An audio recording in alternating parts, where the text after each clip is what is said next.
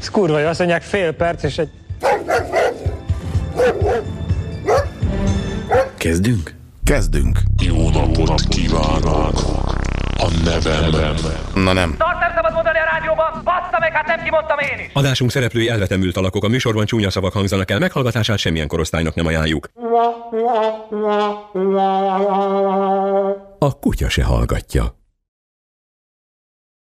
Már egy hete csak a mamára gondolok, mindig, meg-megállva. Nyikorgó kosárral ölében, ment a padlásra. Ment, serényen. Én még őszinte ember voltam. Ordítottam, toporzékoltam, hagyja a dagat ruhát másra, engem vigyen föl a padlásra.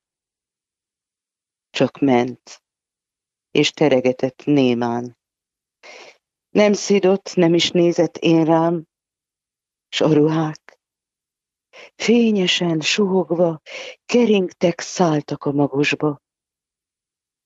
Nem nyafognék, de most már késő. Most látom, milyen óriás ő. Szürke haja lebben az égen, kékítőt old az égvizében. Andris, neked nem szóltak, hogy a múlt heti adásban voltál? De, most. Na mindegy, mert most a mexikóiak vannak, és kékítőt oldunk együtt az égvizében, de sajnos te ki vagy rúgva, Andris, mert a múlt Jól heti van. Igen, és még Így most van, még oké. nincs nálunk az időgép, de később elővesszük. Viszont a szereposztó díványon itt van Mexikó. Hello, Mexikó. Szép jó estét kívánok mindenkinek! Ó, rettenetes lesz. Előre szólok.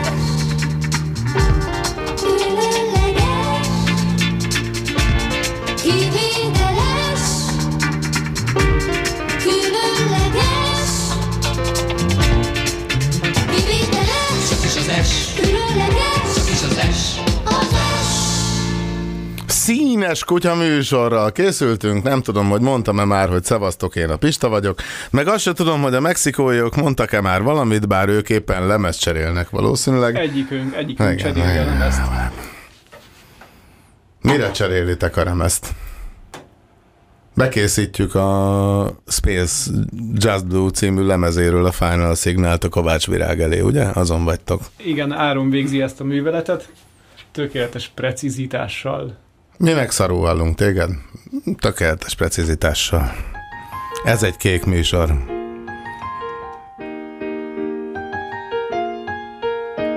Welcome to the Color Bar. Ebugatta.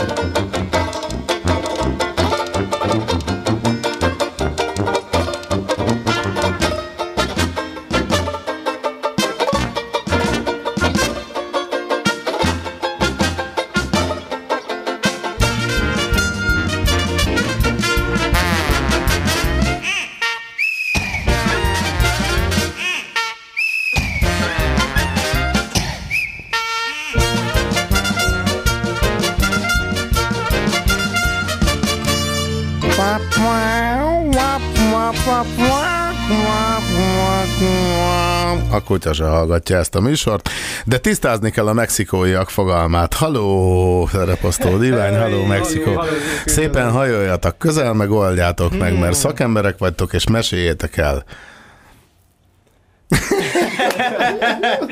Ezt Pont, erre el. számítottam pont, igen. Szuper, szuper. Hát az van, hogy mi itt egy ilyen kolóniában élünk Budapesten a Calvin téren.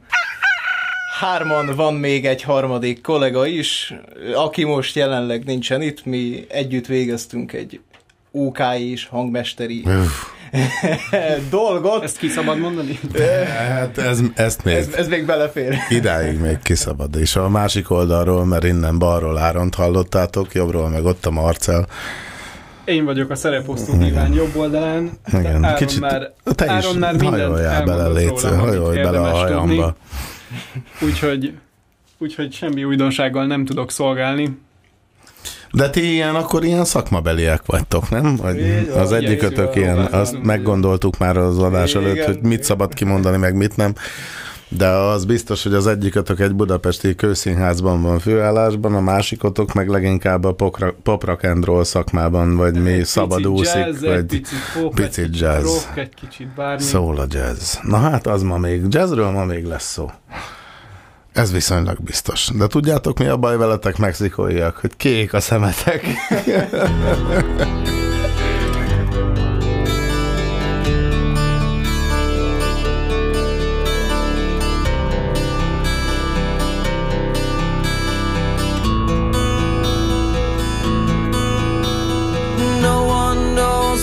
like to be the bad man, to be the sad man behind blue eyes. And no one knows what it's like to be hated, to be faded, to telling only lies. Kék szemek mező mögül jelentkezik a mai kutya se hallgatja, a KSH 200614, ez egy kék műsor.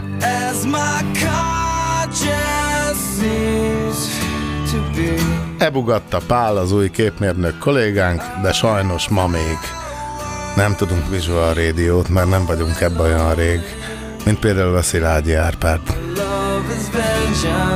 Vele is az a baj, hogy kék a szeme.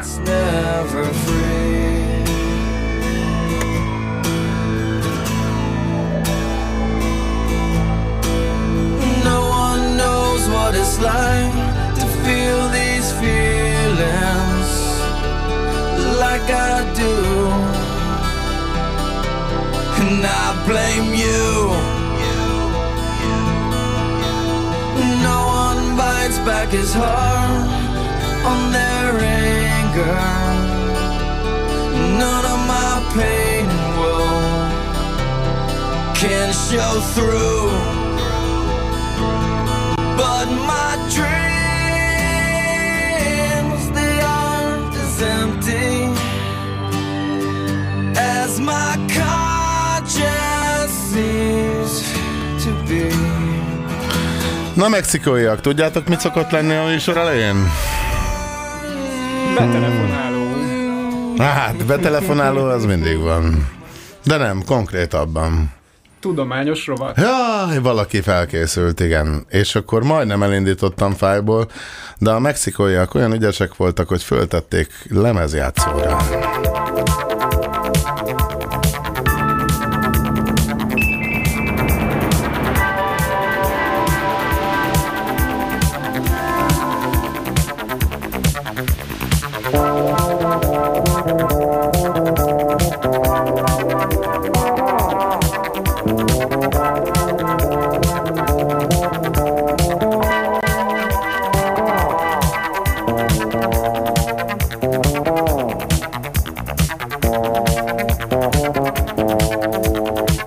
Sötétedés után világosság, ennek az ablak a megoldása.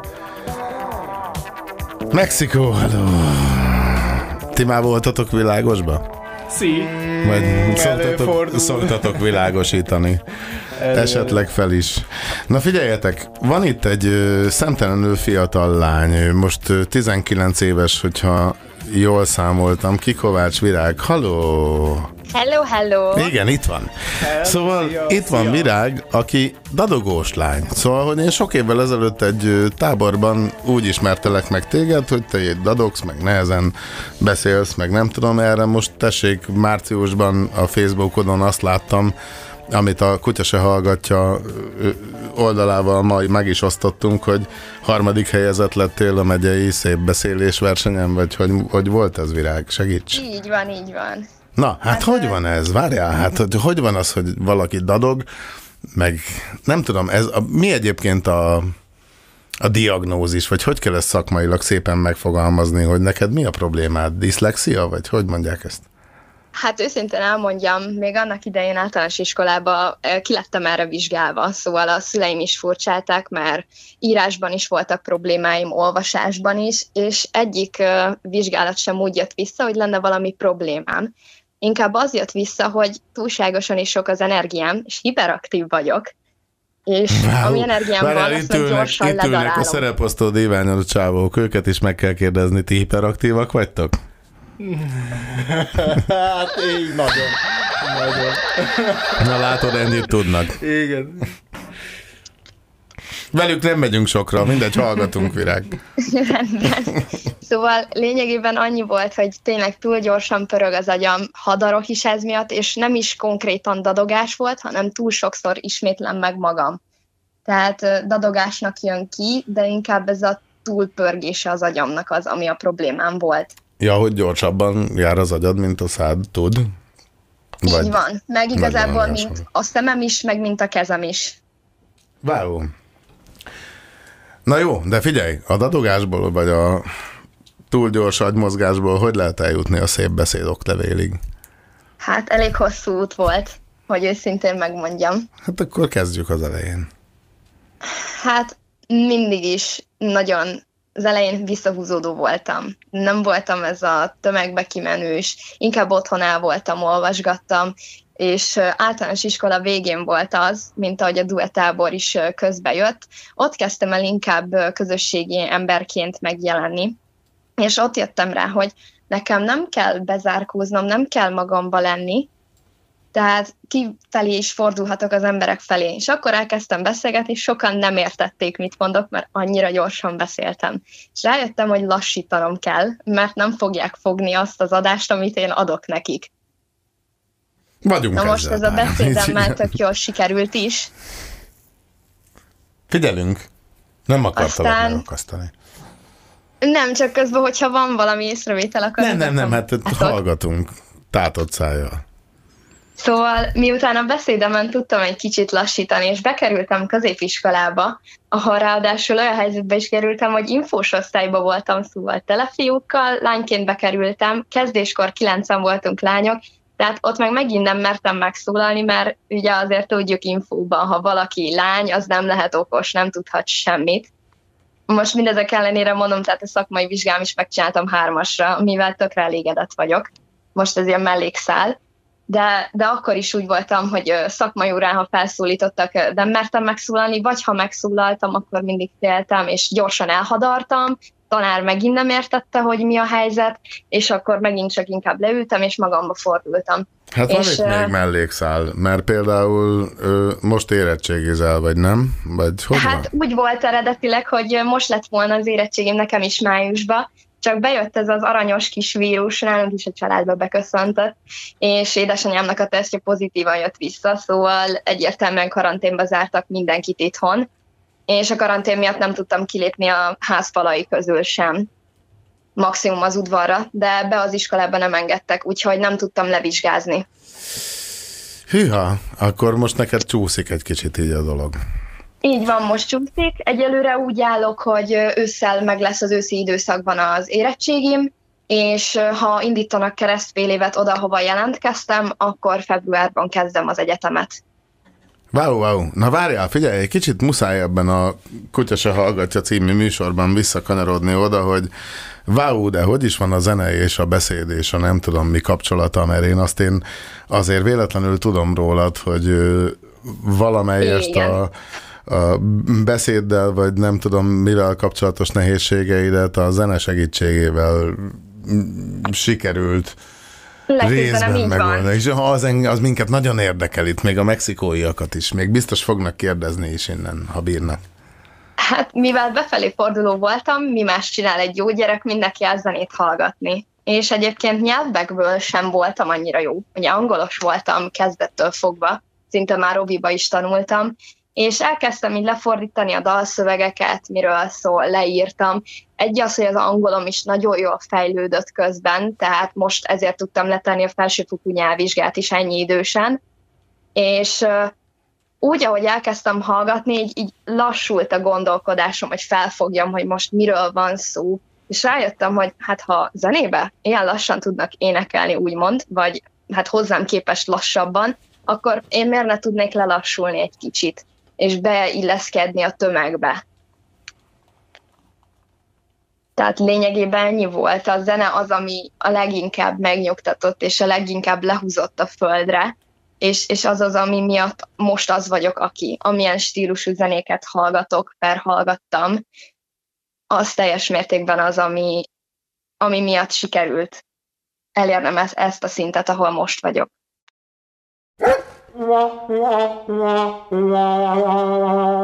A kutya se hallgatja.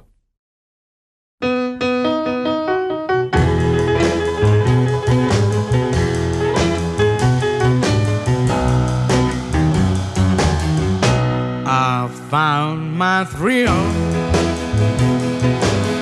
on Blueberry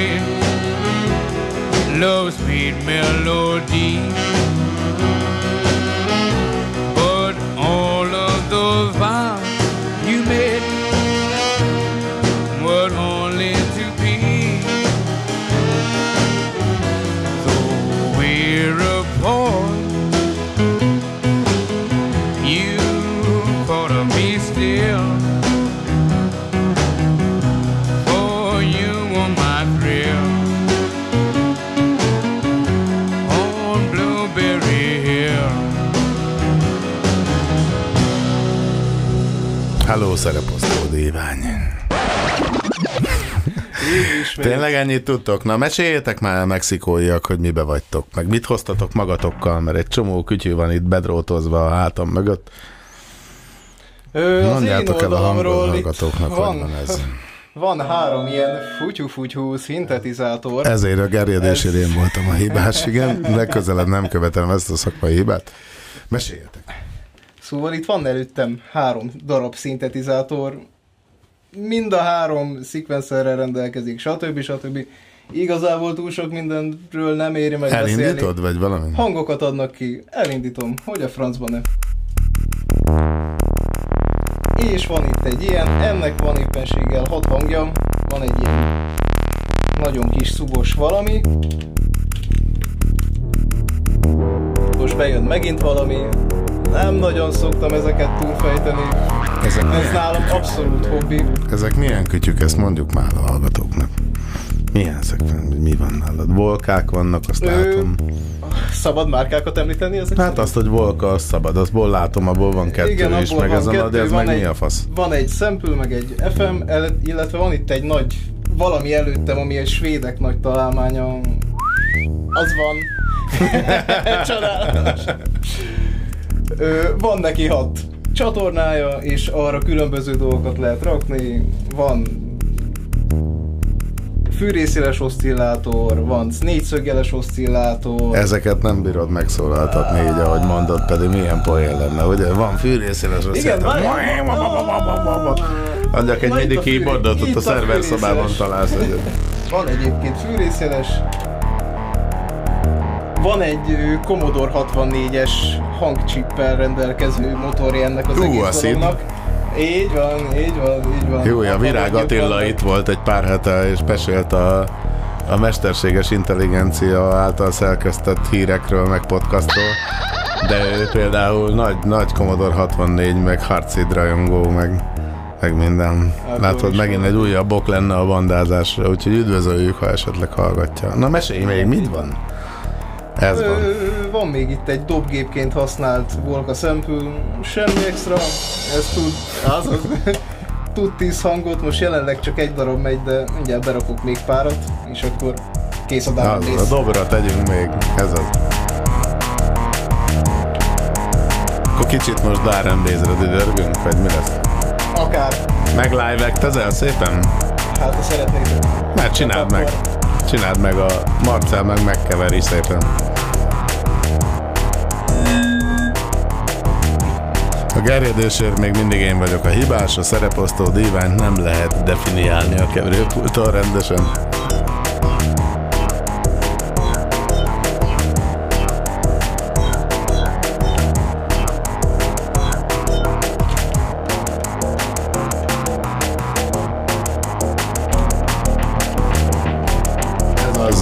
Tegyetek magatokra direit. Aztán kiabáljatok. Úgy a vicces.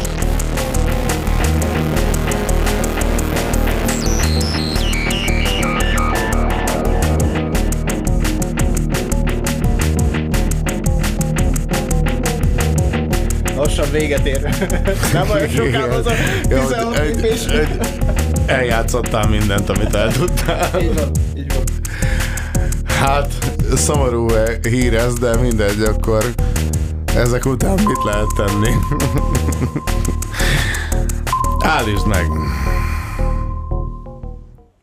Marcel, teszel delay-t magatokra? Megoldod?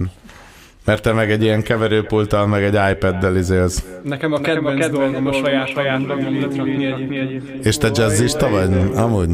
Én, én konkrétan semmilyen ista nem vagyok, mindegyikben próbálom megtalálni magamat egy icipicit, de Na figyelj, de te például a jazzklubban is haknézol, ugye? Ott a milyen utca az? igen, a Hollán Ercai Na. jazzklubban van, Ott volt már Budapest Jazz Orchestra koncert? volt, volt, volt, rendszeresen. Mindeközben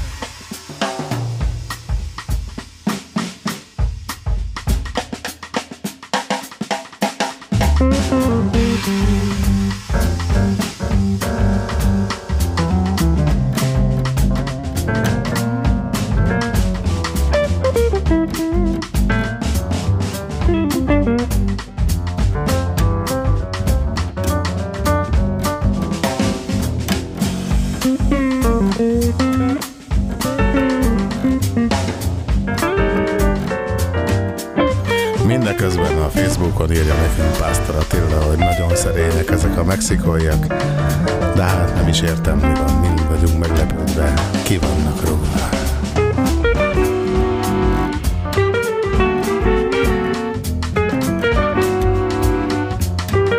Mind a mellett lesz interaktív rész, vagy mind emellett. A 0651 12 lehet majd minket fölhívni, illetve lehet a Kutya hallgatja Facebook oldalnak üzenetet küldeni, vagy a ksh műsorcsere.hu e-mail címre is lehet írni. Mondjuk az írásos üzeneteket nem feltétlenül olvassuk el, de a telefont fel szoktuk venni. Sőt, adásban.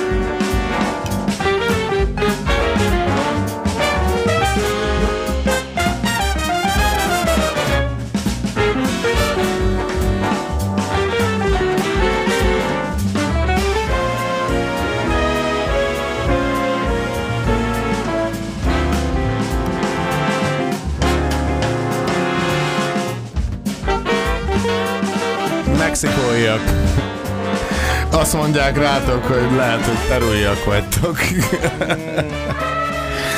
Nem, nincs elég nagy szátok, az a baj. Megpásítunk. Igen, hallgatói kritikát kaptunk mindjárt itt a műsor elején. Legalább dobolni se tudnak. Na mindegy.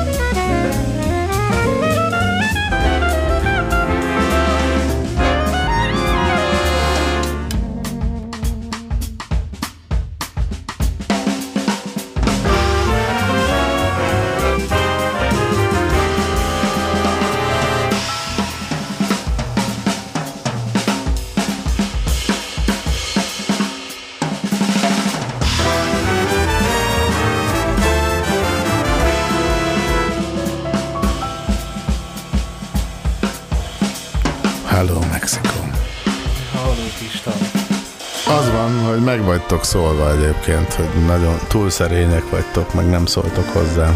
Igen, nem vagyunk hozzászokva ez az élőadáshoz, az igazság. Egyikünk se a szavak embere. Ez meg a Úgyhogy másik. tökéletes alanyok vagyunk egy rádió műsorba. Igen, ezért választottalak titeket, mert ilyen gomnyomogató csávók vagytok, mi? Inkább. Te például... Na, az megy, az megy. A Budapest Jazz Clubba is nyomogatod a gombot, igaz? Tudod ki az a Kolman Gábor?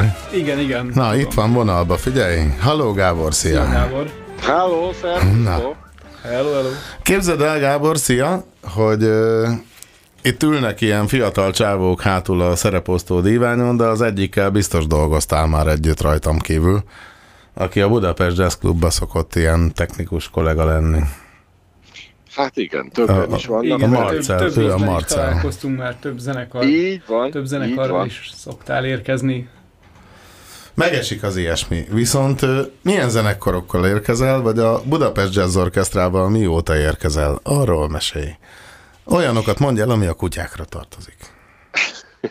Hát a Budapest Jazz Clubnak a nyitó koncertjén a Budapest Jazz Orchestra játszott, tehát gyakorlatilag első pillanattól kezdve kapcsolatban állunk ezzel a klubbal, még a régi helyszínen is sok koncertet játszottunk, és itt az új helyszínen pedig koncertsorozatokat csinálunk októbertől áprilisig. Ezen kívül uh, Révész Ricsivel, Urbán Orsival szoktam gyakrabban játszani. Éjszaka csinálunk uh, jam session a kvártettemmel, és van egy quintettem is, amivel Ezek ilyen körülbelül négy-öt tagú zenekarok, ugye? Így van, így van, ezekkel Szokták. is egyre többször megjelenünk. Nem, én halál komolyan olvastam az egyik vidéki város augusztus 20-ai programjában tavaly, hogy nem tudom kinek a kvartettje, körülbelül négyen vannak. Tehát, és sőt, mi több, és ez még később föl fog berülni a műsorban, van hat tagú trió is egyébként, úgyhogy... viszont, viszont egy big band, big band hány tagú, Gábor? Hát mi a klasszikus felállásban játszunk, az 17 tagú, 5 szaxofon, 4 harsona, 4 trombita és egy 4 tagú ritmus szekció. És ezt csináljátok 22 éve. Így Te van. benne voltál az elejétől kezdve. Igen, igen, igen, sőt már azelőtt is játszottam két Big Bandben, úgyhogy szerintem én hát lassan a 30-at elérem, amit Big Bandben töltök rendszeresen.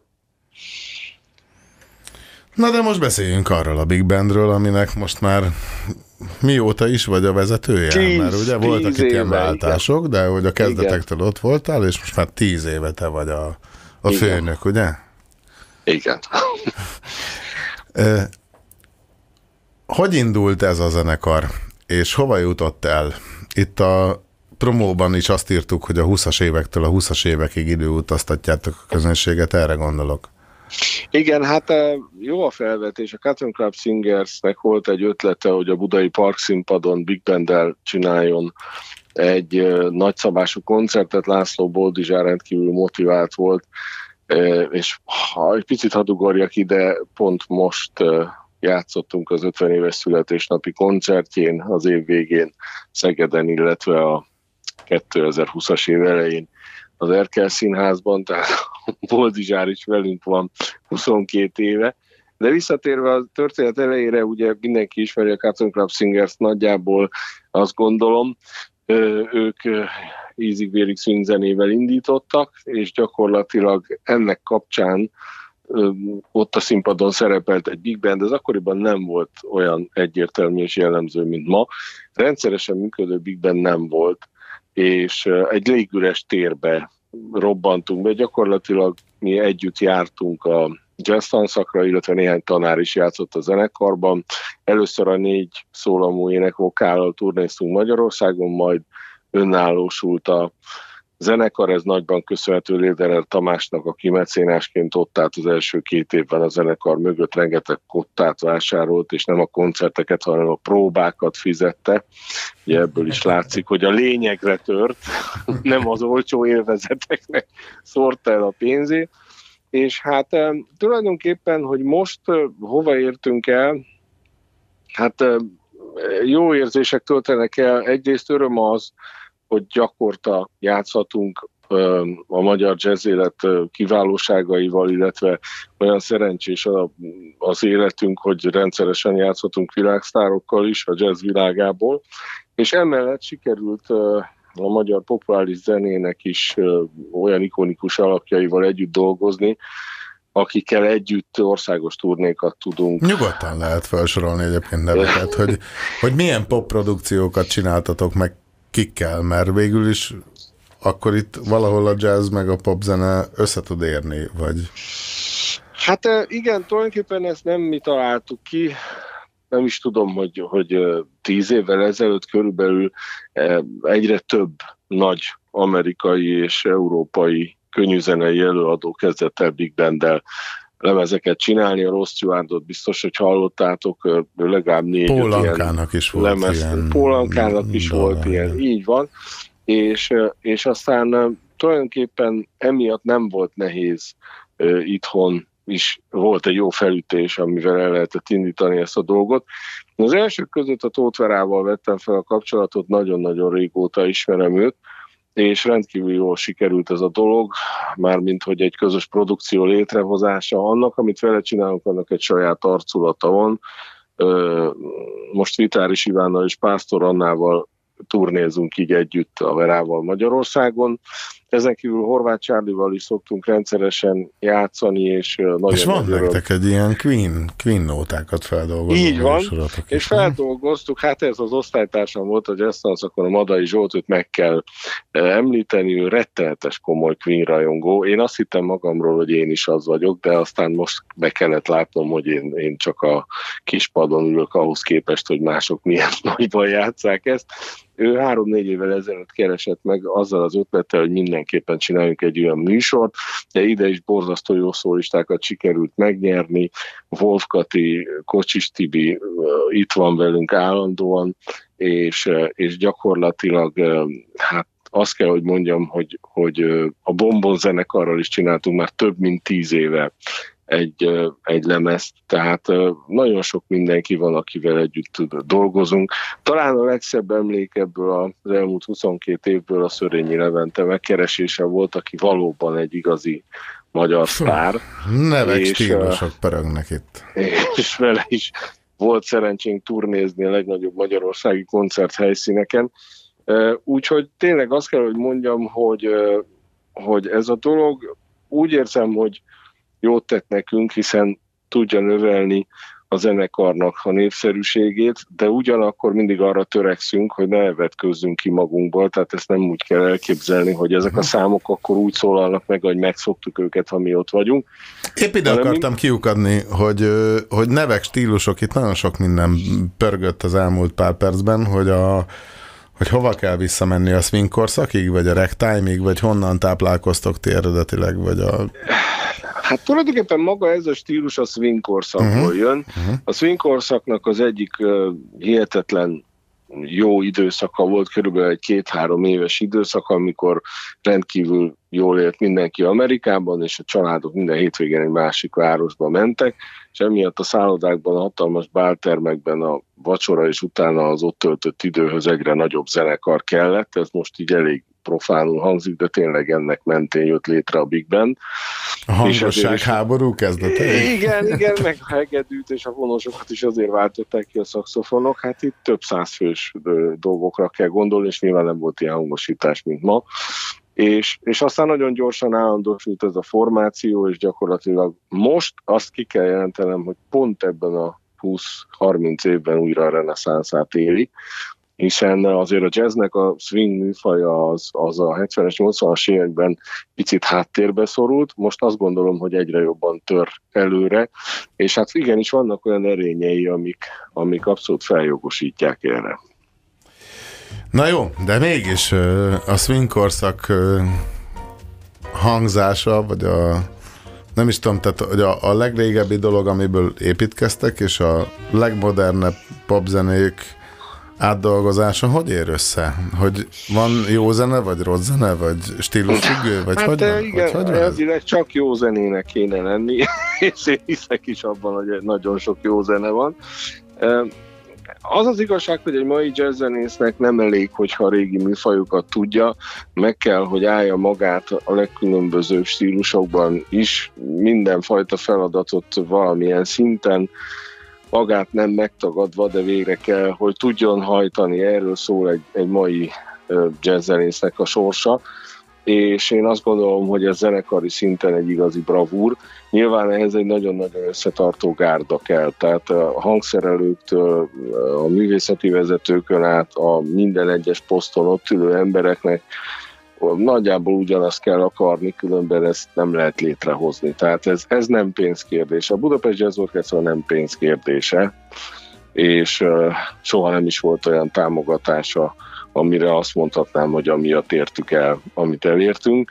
Hanem? Ez, hát ez elsősorban szív és egyfajta felelős gondolkodás, egy közös felelősségnek a felvállalása, és ennek az értéknek a, a, az ér, hát olyan, mint egy kovász gyakorlatilag, ugye, aki csinál, most mindenki a karantén alatt otthon kenyereket sütött, most ez jutott eszembe, hogy ez egy kovász, amiből mindig lehet valamilyen jó süteményt vagy kenyeret sütni.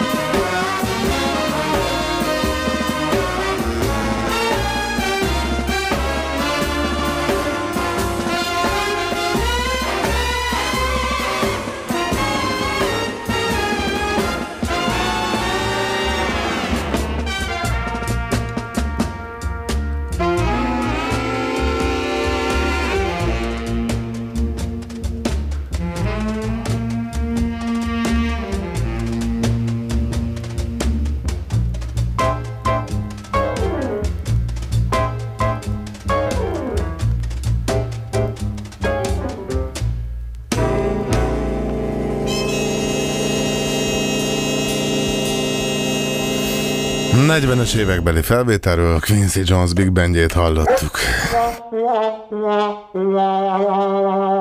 A kutya se hallgatja. Ez sem. Meg ahogy Székely Tamás sem. Hello! Hello, hello. Szia! Te hangmérnök vagy? Uh, hangmérnök, hangmester, mindenki hívja, hogy szeretné. Na hát ez az. mindenki úgy hívja, hogy szeretné, és ez fontosabb kérdés, mint gondolnád, de nem ezért hívtunk be ide hanem azért, hogy például itt vannak a fiatalok, a 21 néhány évesek, közben hátul a szereposztó díványon. Biztos nekik, le, nekik is lesz kérdésük azzal kapcsolatban, hogy ö, van hangosságháború? Attól függ, hol. Hát hol? Te hol hát vagy? Hol? Én a filmeknél vagyok, és a filmeknél abszolút van, sőt a filmeknél tombol. Hála jó Istennek. És benne vagyunk a frontvonalban nyakig.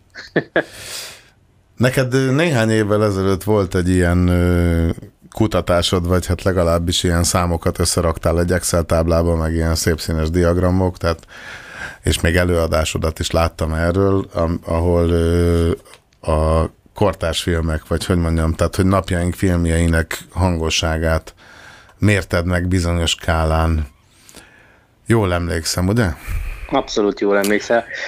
Na most ez, ez, hogy, ez hogy függ ez össze azzal, hogy megsüketülünk, vagy nem? Hát ez úgy függ össze, hogy a mozikban, ugye most mozifilmekről beszélünk legfőképp, és a mozikban lévő hangosságról, mert szerencsére a többi területen már mindenki saját magának tudja állítani, és a többi területen már tök jó szabályozások vannak. Ugye tévében elvileg most már nem kéne hangosabb legyen egy reklám, mint a film, és nem kéne eszeveszetten kapkodni a távi- távirányító után, és a zenében is a streaming szolgáltatók azok kvázi megoldották ezt az egész hangosság háborút, ami az elmúlt 20 pár évre volt jellemző, és a moziba pedig a digitális technika teljes térnyerésével és a film, film kiszorulásával ez teljes mértékben tombol, ami azt jelenti, hogy a, a régi kalibrált lehallgatások és a kalibrált hangerőkről áttértünk egy ilyen teljesen szürke zónába, és mindenki olyan hangos filmet kever, amilyet szeretne. De mert hogy van ez egyébként? Tehát, hogy az úgy van, hogy hogy ti a stúdióban elvileg valamit előállítotok, ami valamilyen referencia hangerő alapján történik, nem? És hogyha én beülök közönségként a moziba, nekem ugyanazt kéne hallanom elvileg. Vagy. Hát ugyanazt kéne hallanod, és akkor az van, hogy gyakorlatilag a Dolby, ugye van egy ilyen cég, biztos mindenki hallott már róla, hogy Dolby, ha máshol nem, akkor régen a kazettára rá volt írva mindig, hogy Dolby B zajszak, zajcsökkentővel van zajcsökkentve, tehát hogy van ez a Dolby, és neki van Kazetta, ilyen... de hülye vagy, várjál. Arra senki nem emlékszik. Tehát, hogy van ilyen, hogy van ilyen cég, hogy Dolby, és akkor a Dolby-nak vannak ilyen előírásai, hogy milyen, tehát, hogy aki Dolby digitál filmet szeretne keverni, erre még talán ezt mindenki látta a filmek végén, hogy Dolby digitál, az egy nagy dolog volt még a 90-es években, ez volt az első 5-1-es mozi hangformátum, és akkor... Várjál, megkérdezem itt a fiatalokat, ti láttatok már ilyet? Már miért? Hát, hogy Dolby Digitál volt a film végén, vagy valami. Persze, a legtöbbnek Megvan? egyébként az van. Igen. Ti mit láttatok, aminek az volt a végén? Mondjatok valamit. Néztek hogy- filmeket? Nézünk, nézünk, de hát sztereó. Csak nem emlékeztek. É, igen, meg sztereóval leginkább. Na, mondom én ezekkel a csávókkal nem megyünk semmire, Tomi, de Nem, mindegy, megy, nem mindig, megyünk előre. mindig megpróbálom. szóval igen, Dolby Digitál meg minden. Igen. Tehát a Dolby Digitál, és akkor, hogyha valaki Dolby Digitál filmet szeretett volna keverni, akkor annak nagyon fontos előírásoknak, így, ahogy mondtad, az előbb kellett megfelelni, hogyha a stúdióba beállítottál egy referencia hangerőt, ami 85 decibel mínusz 20 dB-s mérőjellel mérve, akkor az a moziban is nagyon jól fog szólni, mert hogy azt is úgy állítják be. És akkor a Dolby Digitáltól, vagyis a Dolby cégtől mindig jött egy ember, és ha a végső mastert ki akartad írni, akkor azt ő végigülte, és végig asszisztált gyakorlatilag, hogy az a Dolby cég előírásának megfelelően történjen. Ez tényleg Most- ennyire így ment? Ez tényleg annyira így ment, hogy, és hogy, ez- Hogy, hogy a Dolby cég embere minden hangsávot végighallgatott. Minden egyes filmet végighallgatott, és csak akkor lehetett ráírni a filmre, hogyha arra ő rányomta a plecsnit, hogy ezt már pedig lehet. Tehát, hogy utolsó, az utolsó film, amit én tudok, hogy Dolby Digital volt, meg film, film készült belőle igazából, az ugye most az elmúlt pár évben mondjuk a Saul fia volt, meg a Sunset, és azokat is ugyanígy végülte a Dolby sember. Abba te is ez a mai napig. egyébként. Abban bizonyos szinten én Á, is Saul fiával biztos. Ott, ott, ott mit csináltál? Hát hangeffekteket vágtam. Most próbáltunk kimenekülni, meg atmoszférákat vágtam, meg a vége nagy harc jelenetbe vagdicsáltam lövés hangokat, robbanás hangokat és hasonlókat. És hangosak voltak? Vagy tényleg, vagy ebben a világban, mert hogy lépjünk túl a Dolby Digitálon, hiszen ma a digitális mozikban sajnos ez már így nagyjából elfogyni látszik, ugye, és fájlok utaznak jobbra-balra, és mindenki oda szintez bármit, ahova akar, de tényleg még, mégis milyen hangosan csinálod a robbanást, vagy Hát igen, éppen ez a baj, ezért kezdtem el ezt az egész Dolby Digitális sztorit, mert a Dolby-nak ugye meg volt szabva az, hogy ott még volt egy úgynevezett fényhang, ami analóg dolog volt, és a kettőnek megegyezőnek kellett lennie, és annak pedig volt egy nagyon erős fizikai korlátja, hogy az milyen hangos lehet, tehát kvázi, hogyha a kettőt egyforma hangosra akartad csinálni, akkor valamennyire meg volt kötve a kezed digitális szinten azok, is. azoknak, akiknek fogalmuk nincs erről, elmondod, mi az a fényhang? Hát a Mert fényhang... fényhang, tudod, ez a két, két szó így furán hangzik. Ha...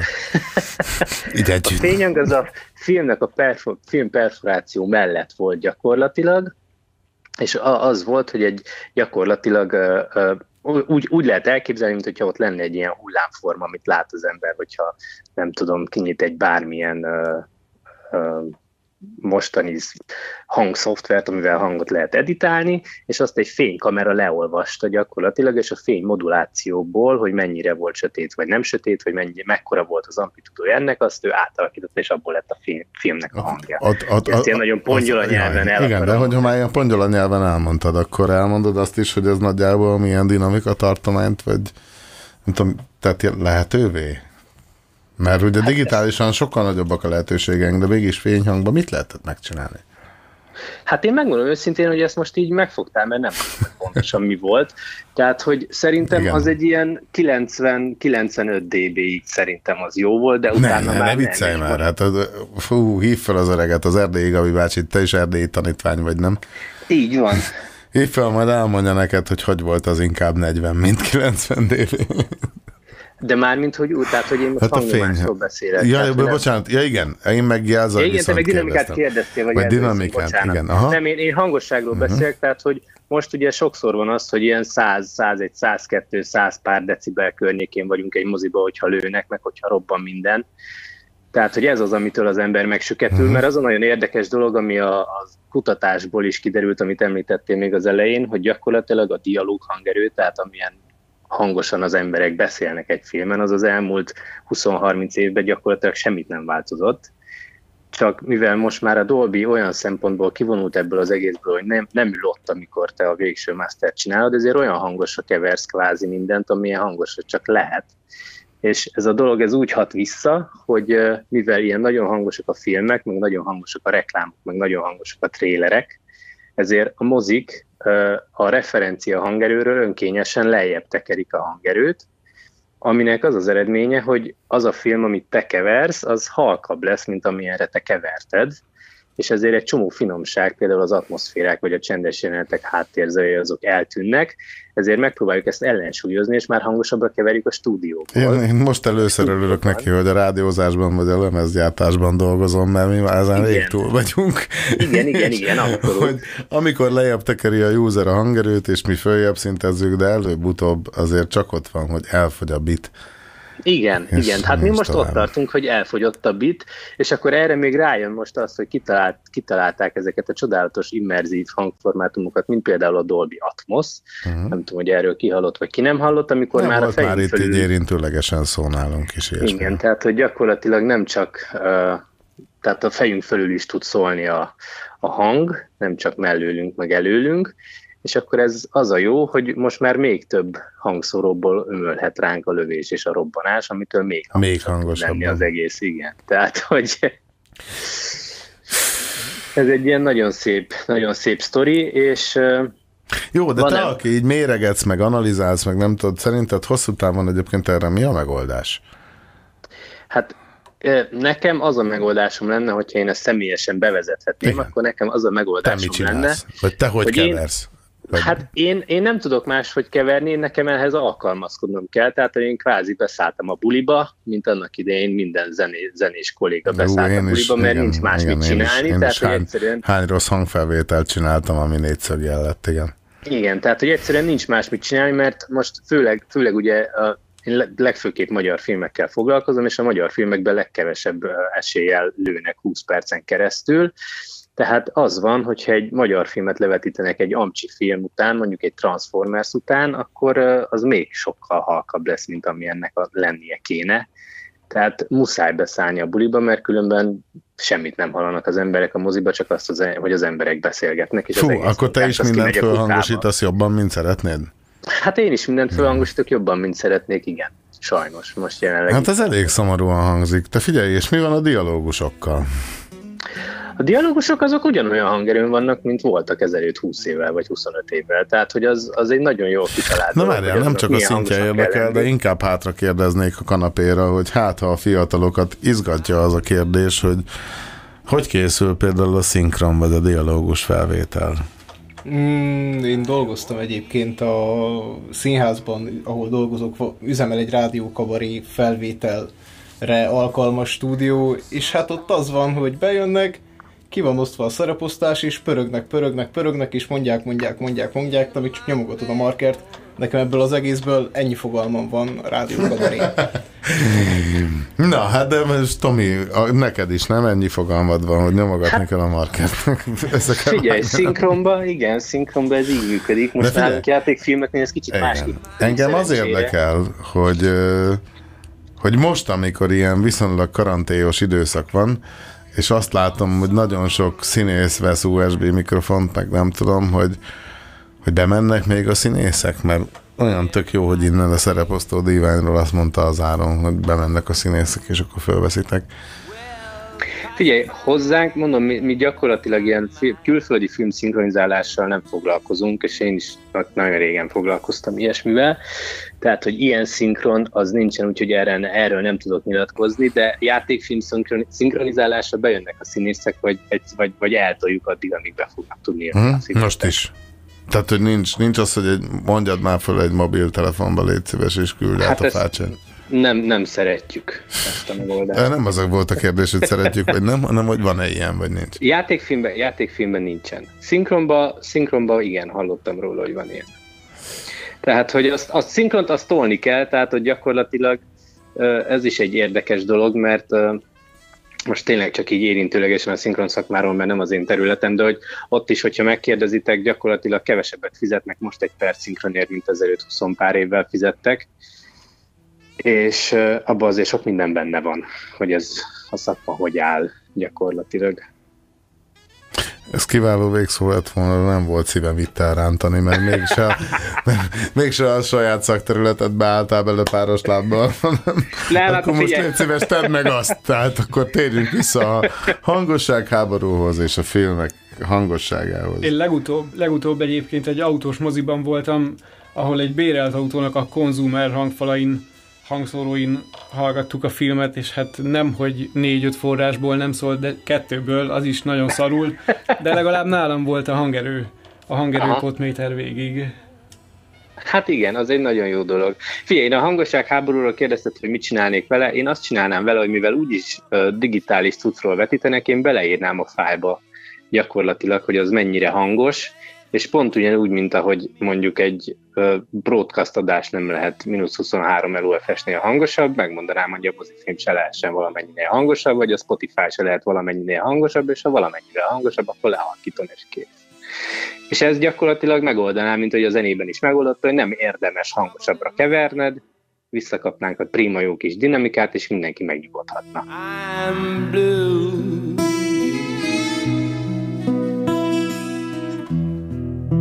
But I won't be blue away.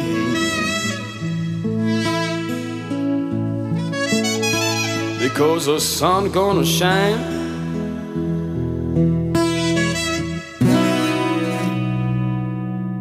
In my bag, in my bag, in my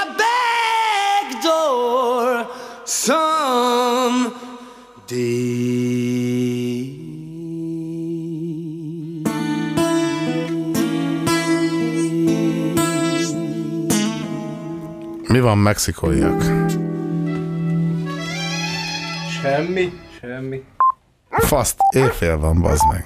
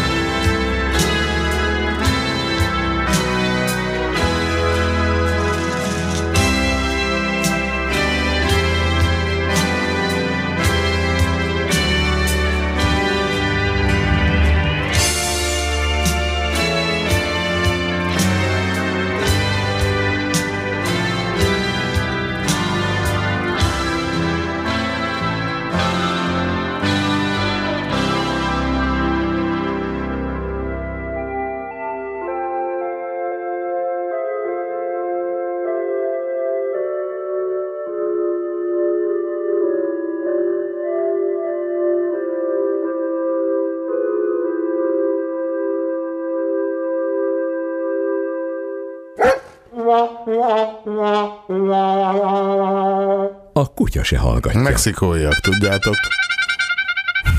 tudjátok milyen ilyenkor? Alternatív rész. Hát, vagy fogalmazhatnál pontosabban is. Na, megvan a szó? Underground robot, érted? Anglikán. Jó, mindegy, adunk filmet, addig ne foglalkozzál vele.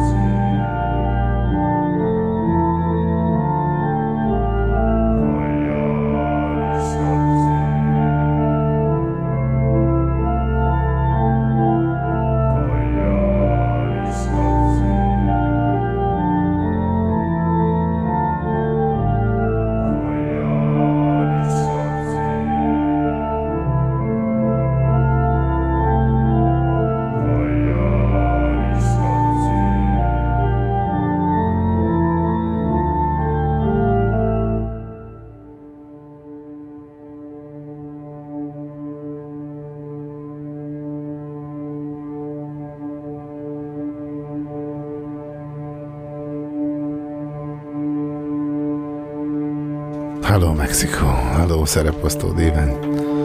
Továbbra is. Föl, fölmerült egy olyan hallgatói kérdés, hogy a jazz nótában melyik szólóra kell időzíteni a belebofázást? Választási lehetőség. Mi a választási lehetőség? Hmm, a második hangszer. Ebbe hogy kell belepofázni, ami most megy? Pont így. Így. Pont így. De akkor szépen csináljad. Szépen csináljátok sztereóba. Pofázzátok ki, kövessétek a képet, csináljátok meg, különben ki vagytok rúgva. Akkor már ki is vagyunk.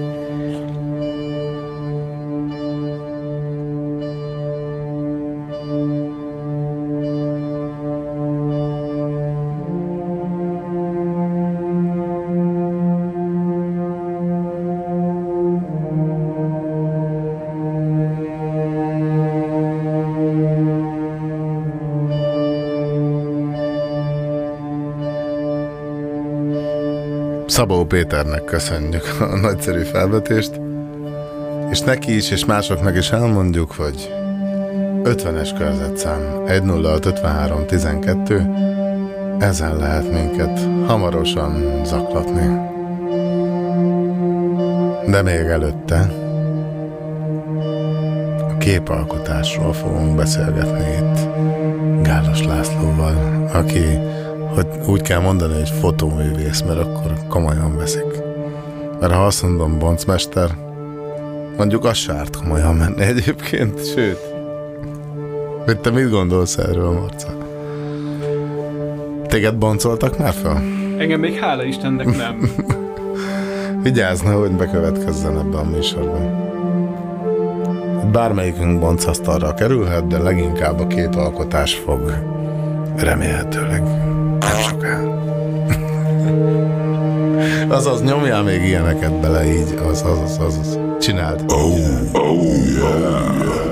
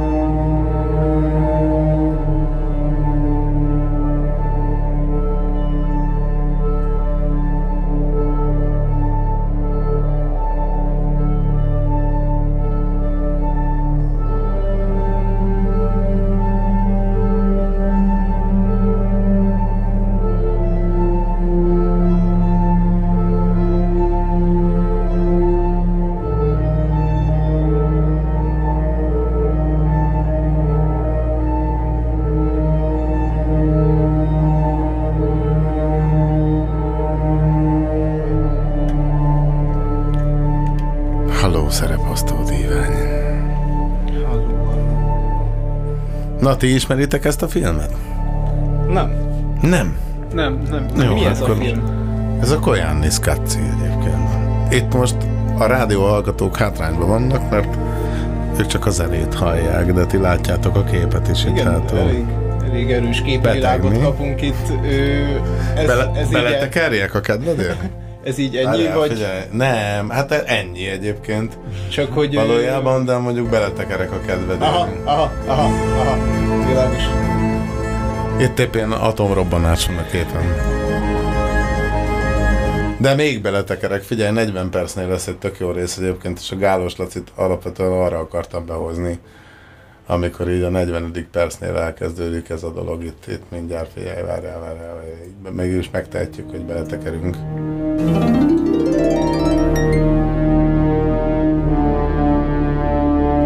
Ez nagyon szép lesz. És közben valószínűleg itt van Gálos Laci is a vonalban, haló. Szevasz, itt vagyok. Igen, te ismered ezt a filmet, ugye? Persze ismerem. Ja. Itt zenéről megvan, hogy most, most melyik jelenet van? Na, annyira azért nem ismerem. Itt van az, amikor ilyen felgyorsítva jönnek, mennek az emberek, és ilyen nagyon sokan vannak. Ez minden nap megtörténik, igen. Gálos László a vonalban, ugye fotóművésznek kell téged hívni, nem szeretem, de annak kell, igen. De annak kell. Jó, hát én sem szeretem, de mondjuk ilyen képalkotó csávó vagy, és hát legalább egy olyan időgéped van, amivel így 200 évet, vagy mennyit is utazol vissza? Hát Van ez a nedves kollódiumos eljárás, ugye? Így Jól van, így van, mondom. az 1851-ben szabadalmaztatták, tehát azért nincs 200 év. Bocs. Mondjuk úgy, szá- mondjuk úgy 170 se teljesen, de majdnem. De nem időutazásra használom, abszolút modern csávó vagyok. Én mai képeket csinálok mai emberekről és tárgyakról, és remélhetőleg az örökké valóságnak. Ez a technika időtlen, minden igazi. Jó, de erről azért érdemes beszélgetni egy kicsit erről a technikáról. Még ha nincs is 200 éves, csak mondjuk 150 vagy 130, vagy kicsit Valami. több, mint 100, Valami hogy, hogy, hogy ez valahol a dagerotípiát, ugye, meg ilyeneket váltotta le, mint... Ö, igen, Hogy, hogy volt ez? Egy kicsit beszélgessünk arról, és ehhez én nem értek, csak ilyen próbálok itt felületesen úgy csinálni, mintha, de a képalkotásnak mi a történelme? És hol van ez a technika, amit te most használsz 2020-ban is például? Uh-huh. De hol van ez a képalkotás történetében? Ez a képalkotás történetében az első olyan technológia volt, ami viszonylag egyszerűen biztosította, hogy jó minőségben lehessen sokszorosítani fényképeket, és én természetesen nem erre használom. Mindegy, de ez volt az első ilyen technika, úgyhogy erről nevezetes. A viszonylagos egyszerűség alatt az értendő, hogy a dagerotípiához képest nem volt annyira életveszélyes, bár sokan belehaltak a kollódiumba is, és viszonylag Fú, várjál, ezekbe haltak bele emberek? Hát hogy nem. Persze, hát a, ugye a dagerotípiának az egyik alapvető egyszere a higany, higanygőzzel ö, csalták elő, vagy idézték elő a, a képet. A higany az hosszú távon ugye nem is olyan nagyon hosszú távon a halálos mérgezéshez vezethet, hanem megfelelően használják, és megfelelő alatt itt azt értem, hogy nem lehetne gőz formájában belélegezni, amit nem igazán tehetsz meg, hogyha dagerotípiát akarsz előállítani. Tehát abba könnyű volt belehalni. A kollódiumban nehezebb volt, mert nem használunk olyan vegyszereket, amik önmagukban halálosak, illetve mm, ki lehet őket váltani, viszont használunk olyan alapanyagokat, amik tűz- és robbanás veszélyesek, és ezek, mivel folyamatos kísérletezésről van szó a mai napig a kollódium esetében, ezek vezetnek néha, vezettek néha balesetekhez, ma már nem, ma már olyan kevesen használjuk, hogy mire oda jutunk, hogy elkezdjük egyáltalán használni, már túl vagyunk azon az életkoron, amikor szívesen balesetet okoz az ember. Hogy működik ez? Ez a, Ez ez a kollódiumos cucc. Itt van valami üveglap, és akkor rá kell valamit folyatni. Az egy- Hogy, hogy, hogy, le, hogy áll elő a kép, meg mennyi idő kell ehhez, meg milyen, milyen módszerek?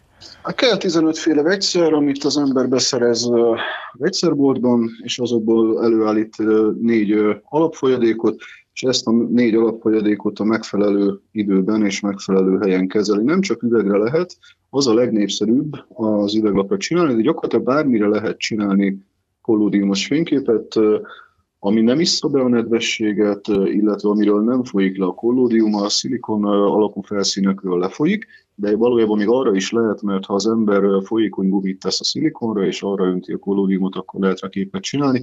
Leegyszerűsítve olyan vegyületet hozunk létre, ami ezüst halogenideket tartalmaz, az ezüst halogenideknek megvan az a tulajdonsága, hogyha fénysugár éri őket, akkor a fénysugár erősségétől függő mértékben elkezdenek szürkülni, akár teljesen feketébe is átmehetnek, ha meg nem éri őket fény, vagy kevés fény éri őket, akkor gyakorlatilag átlátszóak maradnak. De akkor ez úgy működik, mint egy film, vagy, vagy ennél lassabb? ez a, film, a filmnek az őse, kisebb a fényérzékenysége, uh-huh. mint a modern filmeké, de ez a filmnek az őse ugyanazon a, majdnem ugyanazon a kémián alapul, ebből fejlesztették ki a, a filmeket. A maga a kollódium az részben nitrált cellulózból áll, vagyis lőpolgyapotot nitráltak, de nem, nem telje, nitráltunk, vagy tunk, vagyunk, mindegy, hagyjuk. Ö, nem teljesen, tehát a lőpolgyapot az egy két vegyértékig van nitrálva, ha jól emlékszem, mert azt Ezt nyilván minden hallgató kiválóan érti, amiről most beszélsz. Azt én nem csináltam soha, most kicsit elbizonytalanodtam, hogy való, vajon valóban két, kettő igen, de mindegy. A miénk viszont nem, ezért nem robbanásveszélyes, viszont alkoholban és éterben oldódik. Úgyhogy létrehozunk egy olyan vegyületet, amit ezt hívják kollódiumnak, ami alkoholban és éterben oldott cellulóz tartalmaz, amihez ö, jód és bromsókat adunk. Jó, van egy ilyen löty, amire rá kell valahogy csinálni a képet, rá kell vetíteni, az, az mégis milyen optikai rendszeren keresztül történik, vagy hogy, van ez? Bármilyen optikai rendszeren keresztül történhet, maga a kollódiumos eljárásnak a lényege az a vegyi anyag, amivel dolgozunk, hogy milyen módszerrel engedjük rá a, a fényt, illetve a fény által a fényjel kirajzolt ábrákat, az ebből a szempontból másodlagos.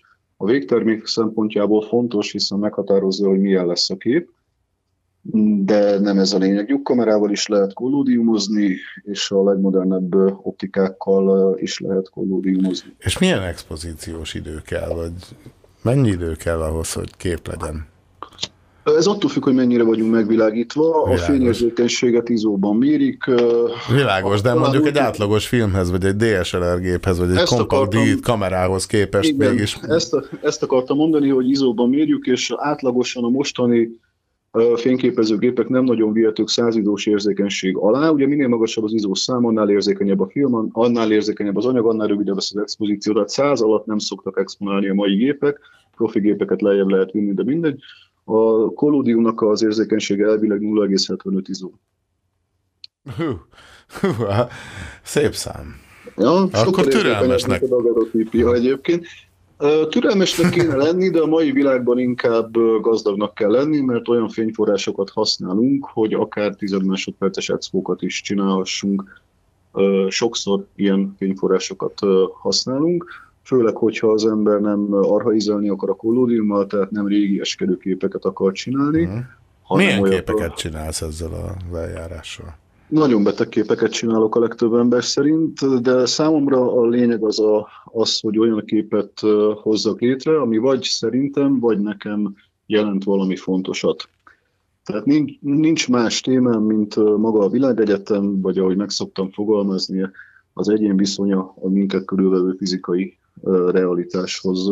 Engem az izgat, hogy mi a dolgunk ezen a Földön, valószínűleg semmi, de mindegy, azért izgat, és hogy mit lehet ezzel kezdeni, és ezt képi formában próbálom kifejezni, mivel hogy mm, abóvó én a világ egyik legnagyobb költője vagyok, de aztán évtizedekig nem írtam semmit, mert nem megy, és egyszer csak jött a villámcsapás, hogy igazából képekkel ki tudom fejezni azt, amit nem tudok leírni. Azért hallgató legyen a talpán, aki ebből kihámozza, hogy ennek az a Azt beszélgetésnek mi is akar lenni a lényege. Azt mondta, hogy négy percem van, úgyhogy... ö, en- Igen, az már rég, rég lejárt, de akkor is muszáj oda kilukadni, hogy és akkor itt volt ez a nedves kollódiumos eljárás, meg a türelem, meg a 0,75 izó, és mindeközben azt mondod, hogy modern arc vagy, vagy, vagy hogy is fogalmaztál magadról. És igen, én is láttalak, vagy hát dolgoztunk is együtt egy ilyen nagyon érdekes projektben a közelmúltban, ahol digitális kamerát preparáltál ki, és még a kortárs tánchoz is köze volt, meg a kísérleti zenéhez is, és hát ez aztán végképp nem egy ilyen több mint száz éves sztori, hanem ez végképp a 21. század. Abszolút, izoláció? Izoláció Izolá- szekvenciák, ez volt a cím talán. Így van, itt a kollódium annyiban volt kiindulási pont és kiindulási pont a mai napig, hogy én azt akarom csinálni, de a mai világban egyre kevésbé lehet ezt úgy csinálni, hogy meg tudja mutatni, és mikor eljött ez a karantén világ, akkor el kellett gondolkodnom, hogy hogyan, mutatunk meg, hogyan mutatjuk meg egymásnak a képeinket, vagy a képeink által a világunkat, egyáltalán hogyan kommunikálunk. És a kollódiumtól valóban ebben a performanceban annyira eltávolodtam, hogy ebben már abszolút nem is szerepel, csak a képalkotó eljárások, amik azért a kollódiumra is alapulnak, egyre kevésbé, de azért még mindig őrzik a Na jó, de egy türelmes állóképész, hogy jön össze a kortárs tánccal, ami meg gyors mozgásokból áll leginkább, vagy hát hol Nincs, van itt a kapcsolat? Ott, hogy rájöttem, hogy manapság az ilyen mozgások a legfontosabbak, tehát bele kellett mennem a performanceba. Ennek ennyi oka volt. A mozgást is bele kellett vennem, és az emberi testet is. Nagyon testközpontúak és gyorsaságközpontúak vagyunk ö, manapság. Testlátvány, gyorsaság, iszonyatosan sok inger az, ami nekünk ma kell. Ezt én sokszor problémaként élem meg. Szerintem ezt ki is fejeztem ez, ebben a performance-ban és még jobban kifogom, tehát a következőben sem lesz úgy kollódium, ahogy azt tőlem általában elvárják. Mi itt ebben a rádióműsorban nem várunk el egy boncmestertől annál többet, mint hogy még meséljen arról, hogy egyébként mindez hogy jön össze ez a fotózás, meg kollódium, meg digitális fotózás, meg audiovizuális performance, meg kortástánc, meg adatvizualizáció, meg ezek a dolgok, hogy jönnek össze a főállásoddal? Úgy, hogy ezeket valamiből el kell tartanom. Ugye művészetben megélni az azt jelenteni, hogy amikor jönnek a csekkek, el kéne gondolkodnom, hogy melyik képet vagy performanszot lehetne eladni, amiből kifizetem, és akkor megpróbálnék olyan dolgokat csinálni, amiketből ki tudom ezeket fizetni. Így viszont, hogy van egy másik munkám, amiből meg tudok élni, így elvileg ezzel nem kell foglalkoznom. A gyakorlatban ez nincs így, de de erre törekszem, hogy ne kelljen, kell persze. De valahol ez, az, ez akar lenni az alkotói szabadság kulcsa. Abszolút az alkotói szabadság kulcsa az, hogy ne ebből kelljen megélni, vagy, vagy hajlandó legyél éhen halni holnap. Ez utóbbira én még nem értem meg.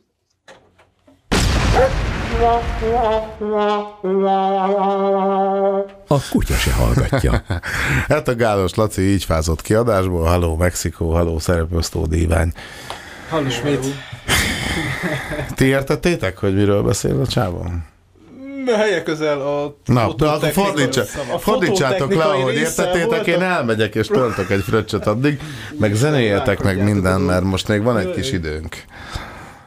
Nem sokára majd London fogjuk kapcsolni, de addig oldjátok meg, nem, nem most nem fogjuk, és két csávó így ráugrott a gombokra, nem, nem, nem muszátok meg ilyen könnyen. Tehát először is eh, beszélgessünk arról, hogy mit értettetek az előző beszélgetésből, és a képalkotás az egy jó kötés volt. És én most kimegyek fröccsér, és most csak ti vagytok adásba tolva. Szuper. Hát üdvözlünk még egyszer mindenkit, aki itt Az van az még? engessétek is szép. Szóval itt volt ez a fototechnikai rész, nem tudom, Marci, neked ebből mennyi volt meg, de hogy így konkrétan, mintha kínaiul beszéltek Igen, volna. igen, sajnos a szavaknak a kétharmadát. Egész jól elmagyarázta egyébként. Itt-ott én nem értettem meg ugyan, de elhiszem. Viszont ez az alkotás, meg ez a művészi rész, ez már sokkal inkább érdekes téma, meg azért úgy, hogy ehhez valamennyire van közünk, mert hogy részt veszünk ugye ebben, mint háttérmunkás, ugye nem véletlenül vagyunk ilyen szerény, meg csönd, csöndes emberek, mert mi ugye a gobokat nyomogatjuk, és művészeket próbálunk kicsit feljebb juttatni. Nem tudom. Technikai, technikai oldalról igen. Na, hogy van az? De tényleg, és akkor még mielőtt elkezdenétek itt nagyon gombokat nyomogatni, így tök jó, mert én tudok itt az egyik és a másik oldalon egyszerre lenni, igen, pingpongba. Hogy meséljetek már arról, hogy ti ilyen 20 éves csávók vagytok, ugye, mit 90... 90-es évek 96, közepe, igen. igen.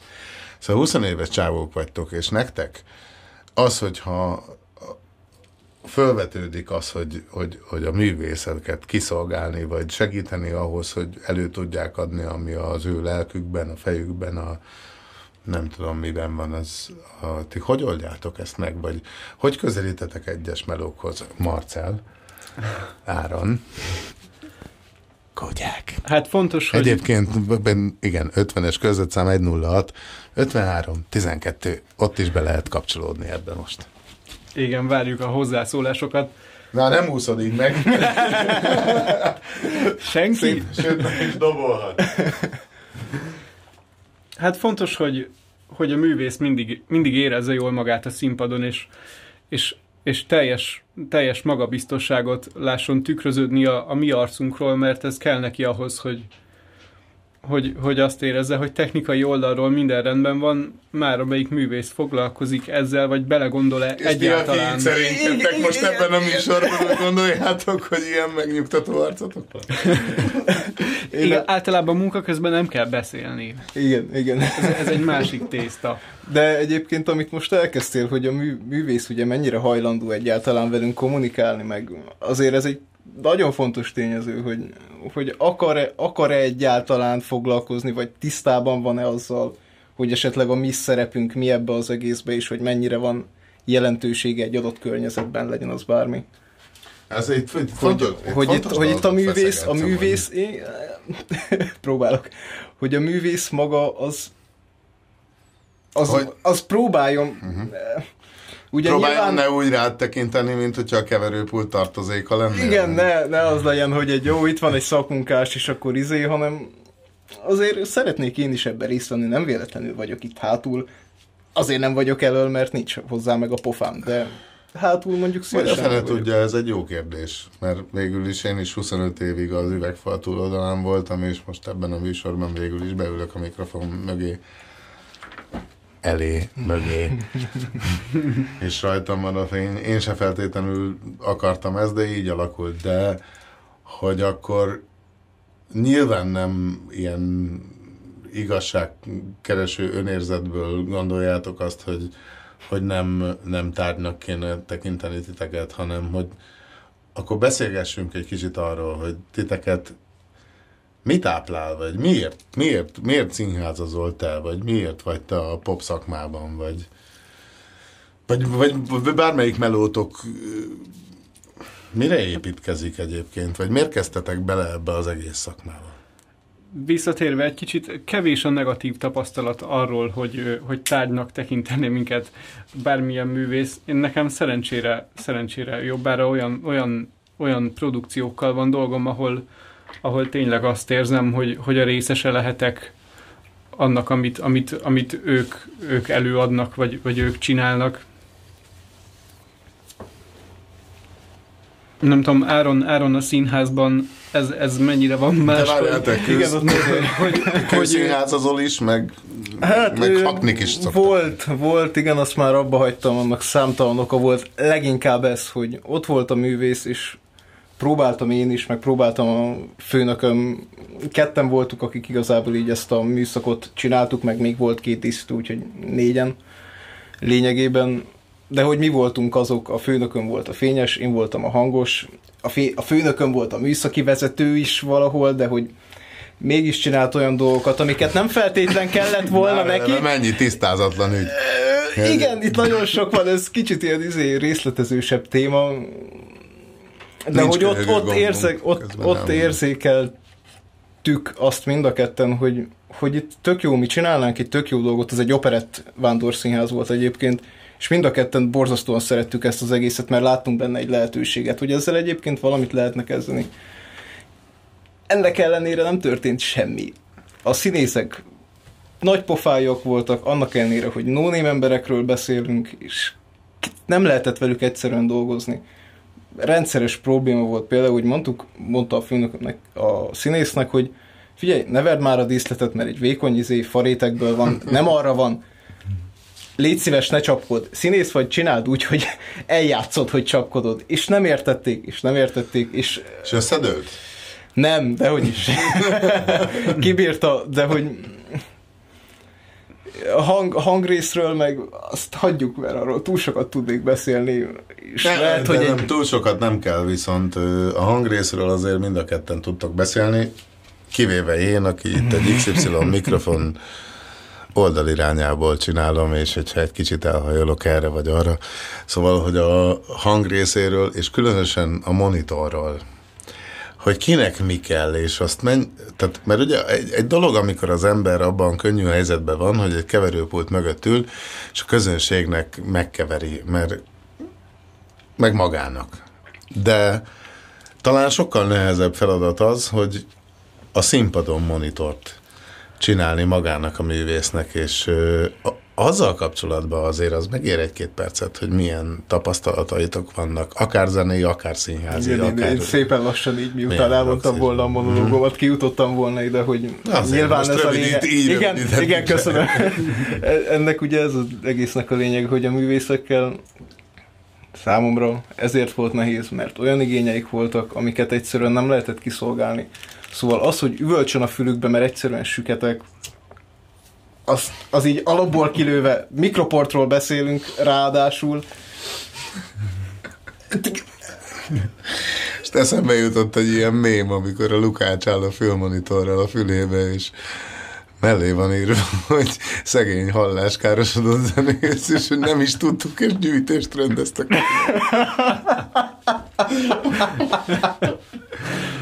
Ú, igen, szóval itt voltak azért színházban is korlátok, ez nem egy ilyen hú, de nagy, nagy volumenű, ez egy kis vándorhapni színház volt, ugye? Teljesen mindegy, nem? De most a falunaptól a legnagyobb fesztiválig végül is az a cél, nem, hogy a művész az alkotni tudjon, tehát ő jól érezze magát a színpadon, meg a közönség is jól szórakozzon. És a közönség sokkal könnyebben szórakozik jól, mint amennyire a művész könnyen érzi jól magát. Tehát tényleg erről beszélgessünk, hogy hogy éritek el, hogy kommunikáltok a jazzistákkal, a színészekkel, a popzenészekkel. Akár kivel is. Akár kivel is. Hát Igen. bárki is legyen a, a színpadon, bevált, bevált technika, hogy, hogy, hogy szerintem, hogyha mondjuk 5 másodpercen belül valaki nem tudja felvenni a, a színpad szélén dolgozó technikussal a szemkontaktust, az, az mondjuk gázos. Akkor nem fogja, nem fogja úgy érezni, hogy, hogy odafigyelnek rá, és, és, és az igényeit egyfolytában ki akarják elégíteni. Ez, ez, pedig, ez pedig nagyon kell nekik. Srácok, az az ötletem, hogy próbáljuk meg fölhívni a Livit. Mert ő, mert ő ilyen hangmérnök. Vagy mi van a diplomájába írva. Biztosan tapasztaltabb nálunk. Igen, figyelj, London próbáljuk hívni. Welcome to the EE voicemail. I'm sorry, but the person you've called is not available. Valaki le tudja Please leave your fordítani ezt. message after the tone. After you finish your message, just hang up. Or to hear more options, please Nem, press hát akkor more options helyett akkor még szóval kell tartani a hallgatókat. És próbáljuk elérni Nagy Livit. Mert ő Londonig szaladt, sőt Manchesterig egyébként, hogy hangmérnök vagy valami hasonló lehessen a diplomájába írva, de ő például nagyon sokat színházazik. Ilyen a színpadi világban van, és akkor így most már tök jó lett külföld- volna. Már ott kint Londonban Aha. színházazik? Mhm. Igen, a School of Sound Recording, vagy hogy hívják azt a Manchesteri iskolát, azt végezte el egyszer BSC szakon, aztán valami sound designer MSC-t is csinált, vagy mi az, igen, ilyen mastert, vagy ilyesmi, és egyébként nagyon sokat színházazik, meg live-ozik, odakint, ott a, ott a Brexit, Brexit szigeten. Úgyhogy nagyon-nagyon várjuk őt, hogy, hogy el tudjuk érni, és folyamatosan próbáljuk.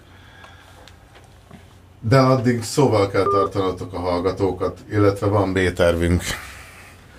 Jazzisták mindig vannak a telefonkönyvünkben.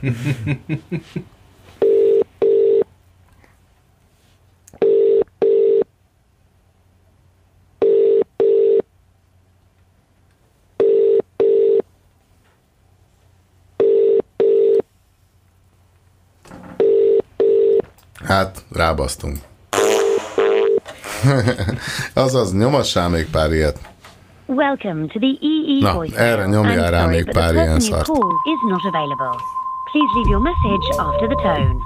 After you finish your message, just hang up. Or to hear more options, please press 1.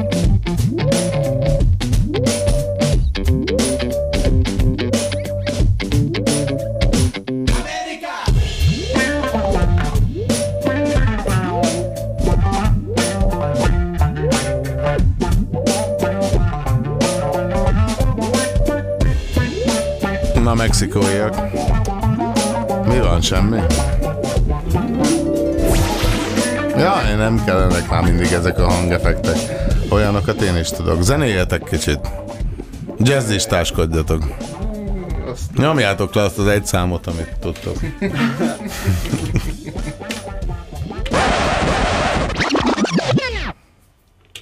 Ez voltad? Kutyák.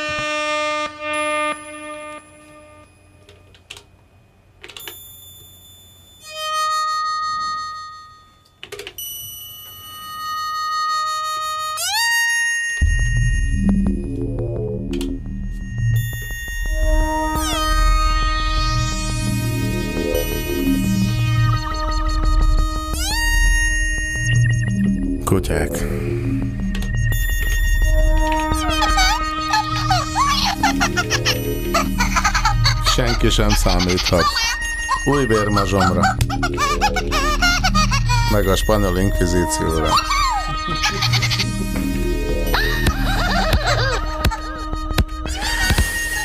Arra meg pláne nem, hogy uh, Livit nem érjük el, de nagyon reménykedünk, de természetesen nem ő az egyetlen hangkultúrával foglalkozó lány, akivel ebbe az órában készültünk. Halló, Török Bettina! Háló, sziasztok! Friss diplomás lány. Itt Szia. egy friss diplomás lányzó, meg itt van az egyik kollégád ismerette a Marcelt a BEC-ből. Igen, persze. Szia, Marci. szia, szia. Na, hát pedig ez nem egy jazzről szóló műsor, de a hangkultúráról annál inkább, és azt olvastam a minap a Facebookon, hogy éppen frissen diplomáztál a napokba, vagy vetted át, ugye? Jól láttam. Így van, így van. Épp a héten lett És mi van beleírva? Zenekultúra szakértő. És az mi a faszt jelent? Igen, ezt nagyon sokan Igen, kérdezik, sőt igen. általában Hát, ez magyarázzuk el. Hát ez egy művészet közvetítéssel foglalkozó szakma. Igazából leginkább talán a rendezvényszervezéshez tudnám hasonlítani, meg, meg a német Music Vermittlunghoz, igazából annak a magyarosított verziója. És hát igen, művészet közvetítéssel lehet vele foglalkozni, illetve a zenei informatikára terjed ki, meg a karvezetés, kórus éneklés, szóval a zenei alapismeretek. Hú, itt egyre több, meg egyre színesebb dolgokat említesz már. Most Hát már igen, teljesen igen. erdőben vannak a mexikóiak is biztos, de tedd tisztába őket, majd mindjárt Igen, kérdeznek a maguk mit módján. azzal lettünk felvilágosítva, Na. hogy színház és sound design. Nem, az a Libis lesz Jaj, majd, bocsánat, bocsánat, értünk. bocsánat. El vagy tévedve egy sorra. Látod, hogy mennyire fogalmatlanok. is. Na, ezek, na, ezeknek fogsz te majd szervezni majd bármit, bazd meg, mint zenei szakértő. Na gyertek be még egyszer úgy, hogy tudjátok Jaj. a szöveget. Tehát a Marcel csak tudja, hogy ki van vonalva. Igen, igen. Na, Ismerjük ak- akkor magyarázd el az Áronnak is. És akkor, és akkor kezdjétek onnan újra a beszélgetést rendesen, hogy azt kérdezitek, aki vonalban van. Nem, azt, aki tervezve volt. Átcseréltük, tudod, jó reggelt. Igen, igen, igen, igen, Szörnyű egy műsor ez amúgy. Mi az, hogy, mi az, hogy zenei informatika? Ez elhangzott talán, de Igen, igen. Hát a zenei informatika egy elég nagy részét képezte a képzésnek, és igazából innen tovább lehetne menni kottagrafikus i- irányba, de annyira nem vonz. Szóval így megmaradok az alapismereteknél. Tehát igazából mindenféle kotta szerkesztő programra kitértünk, Sibeliusra, MuseScore-ra, Cubase-re, akkor Reaper-ben szerkesztettünk, midit tanultunk írni, megtanultuk, hogy kell felvenni bármelyik hangszernek a hangját, szóval ilyen alapismeretek, stúdiótechnikai alapismeretek, hogy azért mégse úgy menjünk ki a nagyvilágba, hogy így nem, nem tudjuk, hogy mit mi, mivel vegyünk fel, stb. stb. Úgyhogy ez a része egyébként nagyon, nagyon jó volt a képzésnek, ezt nagyon szerettem. De azért nekem mégis inkább ez a rendezvény szervezéses, művészet közvetítéses vonal, ez a kapcsolattartás a, a zenekar meg a közönség között, azért ez az, ami Ti miatt tanultatok ezt a olyat, hogy felvenni a bármelyik hangszer Igen, hangját. igen, igen. Igen, Ja, mert a mexikóiak itt úgy meg vannak szeppenve, hogy nem merték ezt megkérdezni, pedig hangosan súgtam nekik mindkét oldalról. Ja, nem kell Hogy félni, te, nyugodtan. igen, azért. De félnek, nyugtasd meg őket. Nyugodjatok meg, srácok. hogy tanultál ilyet, hogy hogy kell fölvenni a bármelyik hangszer hangját, bárhogyan? Hát igen, igen. Éneket vettünk fel, akkor az én basszusgitár hangzásomat vettük fel vonalból, szintetizátor hangot vettünk fel, gitárt, amik így az óra keretén ott ö, lehetőségünk volt, hogy amilyen hangszerek így a közelünkben voltak. És akkor egy ilyen zeneszakértő az ö, tudja például, hogy mi a decibel? Vagy az Áron tudja, mi a decibel? Fogalmam sincs róla. Volt már olyan, hogy tudta. Veled volt már olyan, Betty? Hát igen, igen, ilyen alapismeretekre is kitértünk még az elején, meg, meg ilyen történeti dolgokra, de hát őszintén megmondva erre a részére már annyira nem emlékszek. Sőt, még majdnem, hogy a, a te kurzusodon erről többet tanultunk, mint amennyire itt az iskolában. Ez a műsor nem rólam akar szólni, de mindig ide lyukadunk ki. Nem lehet Mindegy, de akkor figyelj, akkor most már mondd el, hogy milyen kurzuson volt, és melyik oldalról ültél. Ja, hát a Gitármánia táborban volt 2017-ben, és ö, mi is volt a kurzus címe? Ja, valami hallás. Tanuljunk hallani. Na, igen, igen, igen, igen. Ti ott voltatok? Skacok? 2017... Én abban az évben nem. Mi egyszer voltunk, de az... 2016-ban. Ja, igen. Én 2017-ben ott voltam, viszont... És voltál ezen a kurzuson? Igen, Már nem igen. emlékszem. Csak nem emlékszik. Csak nem emlékszik. De, de ezek szerint Betty, te emlékszel. Én emlékszek, Mi nekem volt a legemlékezetesebb alkalom, mert egyébként én nagyon élveztem ezt, hogy így együtt tanultunk hallani. De hogy Hát nekem talán az, ö, az maradt meg legjobban, amikor így kiültünk így a természetbe, és akkor le kellett rajzolni, hogy miket hallunk, milyen irányból, és ez nagyon érdekes volt, meg szerintem még meg is van valahol ez a rajz. Szóval szerintem ez. Wow. N- nem is emlékszel? De, de, de, de, de. Nem azért, csak én emlékszem, csak az tök érdekes mindig, hogy kinek mi volt a legemlékezetesebb dolog. Ezt elmondod a fiúknak, hogy itt mi volt a feladat? Mert itt Kíváncsian ért, hallgatjuk. értetlenül nézzük. Nézik. Hát persze, Én is. igen. hát az volt a, a lényeg, hogy így napközben egy ilyen csendesebb részre próbáltunk kiülni a természetbe, és az egész csoport teljesen csendben volt, és nem leírni kellett, meg lejegyzetelni, hogy mik azok, amiket hallunk, hanem lerajzolni azt, hogy mi az, amit éppen hallunk, melyik irányból halljuk, például, hogyha a hátunk mögött halljuk a zenét a színpadról, akkor nyilván rajzolunk egy színpadot. Én lerajzoltam magunkat, ahogy ülünk ott a, azokon a padokon, és így ahhoz képest rajzoltam be ezeket a különböző hangforrásokat. Ugye ennél jobban nem tudom elmagyarázni. Érdekes feladat. Igen. Milyen jó riporter vagy, Marcel. Figyelj, viszont ha kicsit visszacsavarodok ide a számítógépem elé, akkor elvileg meg tudok nyitni egy YouTube linket, úgyhogy a Koyannis Kacival ne vegyüljön, ezt még meg fogom oldani spontán. Igen, elvileg most már szól egy, hát egy ilyen viszonylag penetránsan hangzó kamerás felvétel lehet ez, vagy nem is tudom. Azt mondja, hogy az van odaírva, hogy Blue Flamingos. Igen, igen, igen. Az első saját számunk.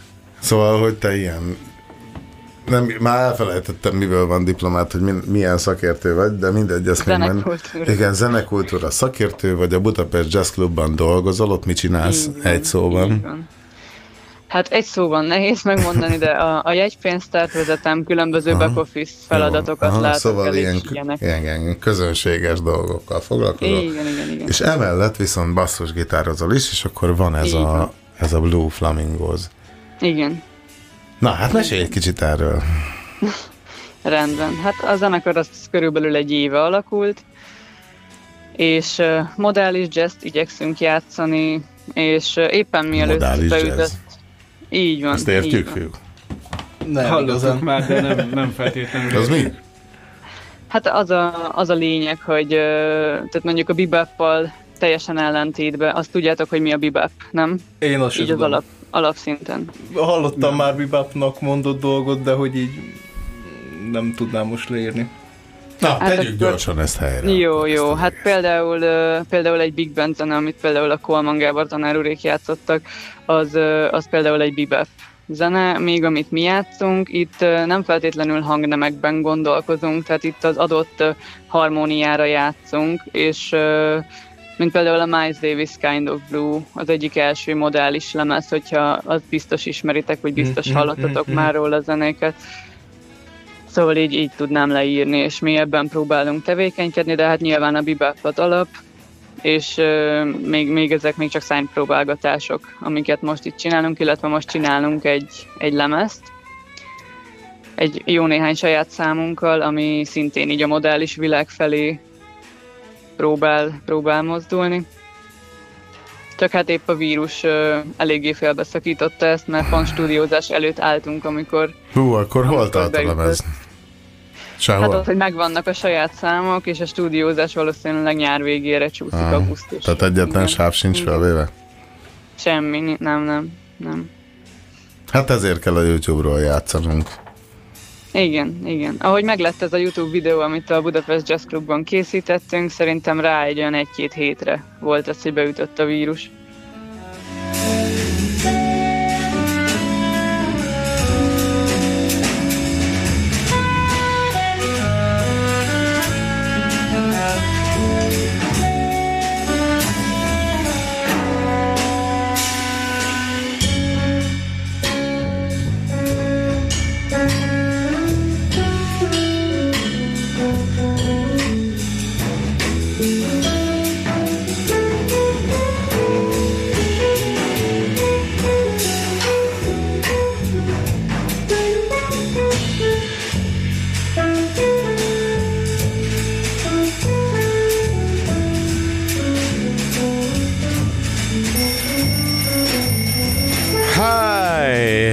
Figyeljetek, srácok! Van egy hívó. Angliai szám hívja, a kutya se hallgatja adás telefonszámot, haló. Na vajon ki lehet? Na, vajon ki lehet az? Nagy Livi. Hát üdvözlök mindenkit, sziasztok! Hát itt a, itt a lány, itt a lány, akinek mi van a diplomátba írva? Megnéztem. A, várjál, a. BSC diplomátba, ugye? Mert van egy, aztán egy még komolyabb is. Igen, az van ráírva, hogy uh, Studio and Live Music Production Sound Engineer. Sound Engineers, a hangmérnök a vége, ugye? És akkor mi volt Az. előtte? Studio and Live? Stúdió, hát stúdió és koncert hangmérnök. Aha. Kvázi. Ja. És ilyen diplomát ho- hol lehet kapni? Ezt én Manchesterben kaptam um, a School of Sound Recording nevű egyetemen. Még, uff, jó pár évvel ezelőtt. Jó, nem firtatjuk a korodat. Bár, bár tudjuk, Ú, hogy azért, mert te se vagy mai vagyok. magnós lány. Uh, de, de hogy szóval az, az azt jelenti, Hát, hogy na. az mi az Anglia, vagy hogy mondják azt szépen Egyesült Királyság, de az Anglia Manchester. Tehát Angliáig Ah, kellett szaladnod, hogy, hogy, Igen. hogy szerezhess egy olyan főiskolai diplomát, amiben legalább bele van írva, hogy hangmérnök bármilyen eposzi jelzővel is. Hát így van, bár most a mesterképzésemet Skóciában csinálom, úgyhogy ö, Egyesült Királyság. Ja, azért, Így jó, mondanám. azért igen. Jó. Na, de hát most, hogy de az ország határokról beszéljünk, vagy nem tudom, hanem inkább rólad. Hogy Skóciában csinálod most éppen? Mit? Ö, az pedig sound designer, az a diplomám.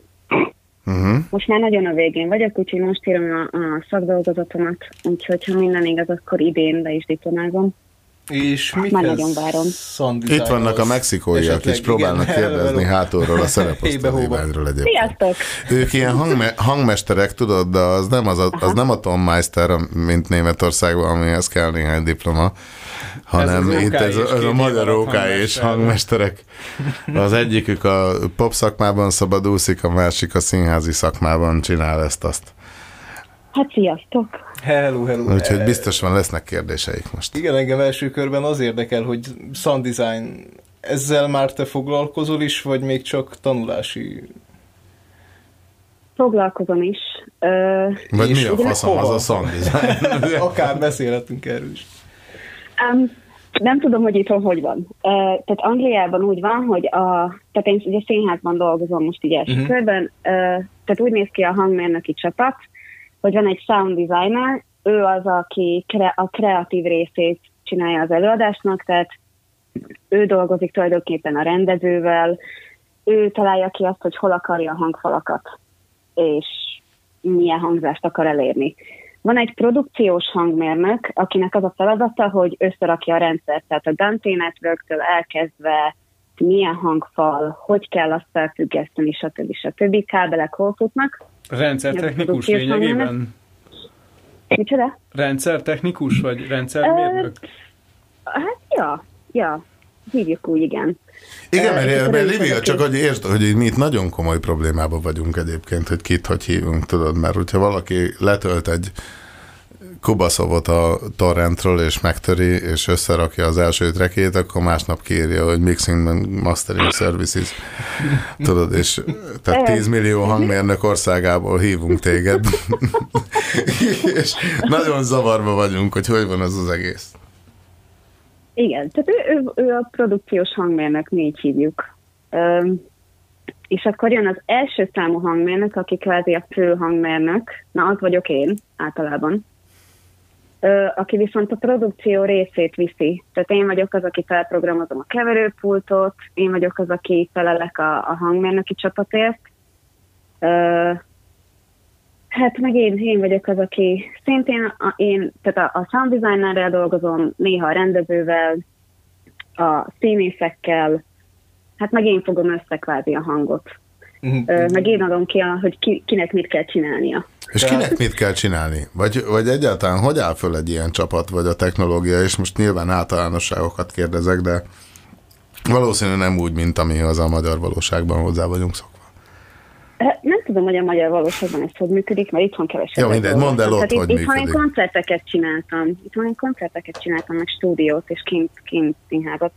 Ö, tulajdonképpen, hát ja, először is a sound designer megtervezi, hogy mit akar, a produkciós hangmérnök megtervezi, hogy akkor ez hogy, hogy valósul meg, akkor utána én, én érkezem a próbaterembe, tehát általában így a, a második héten ö, megyek a próbaterembe, és akkor nyilván találkozok a színészekkel, meg, megnézem, hogy egyetem miről szól a dala, darab, Öm, akkor ugye elkezdem, tehát ugye ott rakják össze nyilván az előadást, és akkor én már látom, hogy mi a folyamat, és ez nekem nagyon sokat segít abban, hogy ahogy látom, hogy ők dolgoznak, hogy én, én hogy rakom össze az én saját munkámat, mert hát minden előadás más.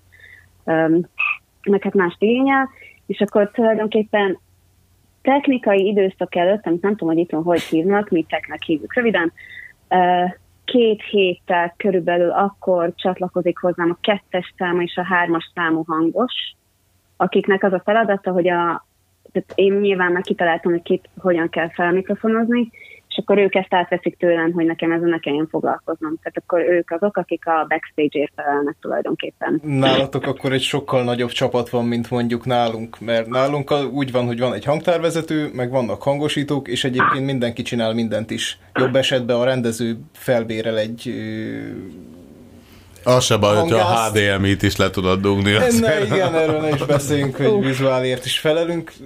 Teljesen indokolatlan az egész. Akkor nálatok ez így szépen meg van szervezve, van egy hierarchia erre az egészre, és nem egy ilyen adhok Igen. jelle. Ah, igen, igen. Mondjuk Nem, itt, itt mindenkinek megvan, hogy kinek mi a feladata. ah, Meg, ah. igen, mindenki tudja, hogy mit kell csinálnia igazából. milyen sűrűn van nálatok bemutató? Három havonta. Általában három havonta szoktam ugrándozni egy Á- Általában, de most nyilván nem. Hát általában, hogyha nagyon hosszú, akkor mondjuk hét hónap, de azokat nem vállalom el, mert az, az nem bírom. Én, én a három havontát szeretem. Mikor volt az utolsó premiered? Kérlek. Hát három napra voltam a premieremtől bakker, uh, mielőtt ez a vírus beütött, úgyhogy majdnem. Tehát december 10, nem, december 6-án volt az utolsó premierem. Így. Ö, és akkor így, Igen. aha, és a három hónapos És most március, most március elején lett ki. És akkor azóta jártál színházban, vagy? Hát azóta el voltunk tiltva, tehát az összes tudtam ugyanúgy van ott, ahogy én az előadáskor ott hagytam. mert azt mondták, hogy két hétre megyünk haza, úgyhogy mindent mindenkinek le kellett tenni a kezéből, és elhagyni a színházat, úgyhogy ez most azóta is ott van. Úgyhogy azzal még nem tudom, mi lesz, mert nyilván én Magyarországon vagyok. Tehát Hát jelen pillanatban, meglepő módon, Jelen amit én mondjuk tudtam előre, de csak azóta, mióta fölhívtalak téged tegnap, vagy tegnap előtt, hogy így kapcsolnám Londont, és mondtad, hogy pont most száll a géped, és akkor most, most akkor Budapesten vagy, ugye Ferihegy, vagy Liszt Ferenc, vagy hogy kell azt mondani? Vagy Igen, hol vagy most? igen. Most, hogy így leszálltál, vagy most mi lesz veled, hogy most hazajössz Angliából, akkor mi vár rád? én most alszom. De Hát így, így az elmúlt karantén nincs semmi izé, valami... De, de hogy nem, mindjárt ki kell ragasztanom, ahogy letettük ezt a piros lapot az ajtómról, hogy senki se jöhet be. De apukám, édesem, felhozott meg, vagy ma feljött Pestre, és telerakta nekem a hűtőt, meg egyetem bedugta a hűtőt, úgyhogy így, hogy az valami nem. Mert hát ugye nem jöhet ide senki, meg nem mehetek boltba, úgyhogy ez egy ilyen izgalmas két hét lesz. Internetem sincs. Jó lesz. Hát jól hangzik. De vannak könyveim, el. Milyen könyveid? Ö, Mit fogsz olvasni? Most, most éppen egy olyan könyveket töltöttem le a kis olva- elolvasomra, hogy ö, hogyan gondolkodjunk kritikusabban. Úgyhogy most így próbálom, próbálom az agyamat kicsit felgyorsítani, mert azért ére, tehát érettségikor éreztem én, hogy amikor a matek, matekot írtam, akkor nagyon pörgött az agyam.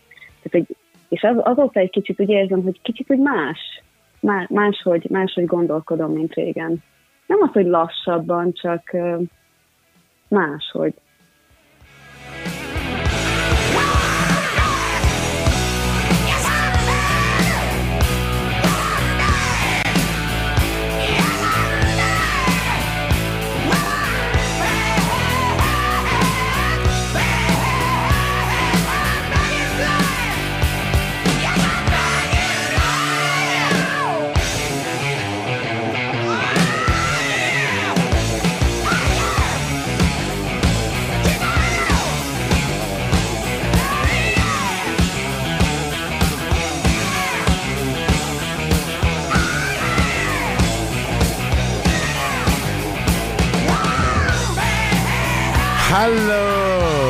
Tessék még gyorsan a 0651 0653 12-n fölhívni engem, vagy a mexikóiakat. Várjuk, várjuk. Na, mert nincs már sok idő. Fél perc van körülbelül hátra.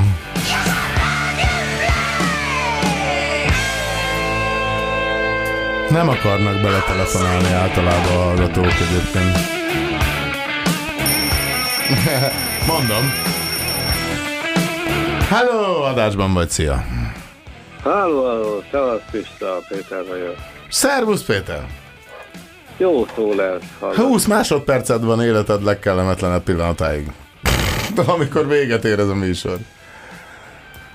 Én csak annyit akartam mondani dicsérőleg, hogy jó szólnak a zenék, meglepően jól szólnak. Meglepően jól szórakozol? Akkor elmondod, hogy milyen Péter vagy és honnan. Mert egyébként én a hangodról felismerlek, mert mégis csak ebből élek, és kollega vagy. Vagy nem, vagy nem Hát- akarsz ilyen intim részeket. Nincsen semmi titkolni való, Szagó Péter vagyok. Dunarasztiból egy korrekt lehallgató rendszeren hallgatom a műsort, és örömömre szolgál.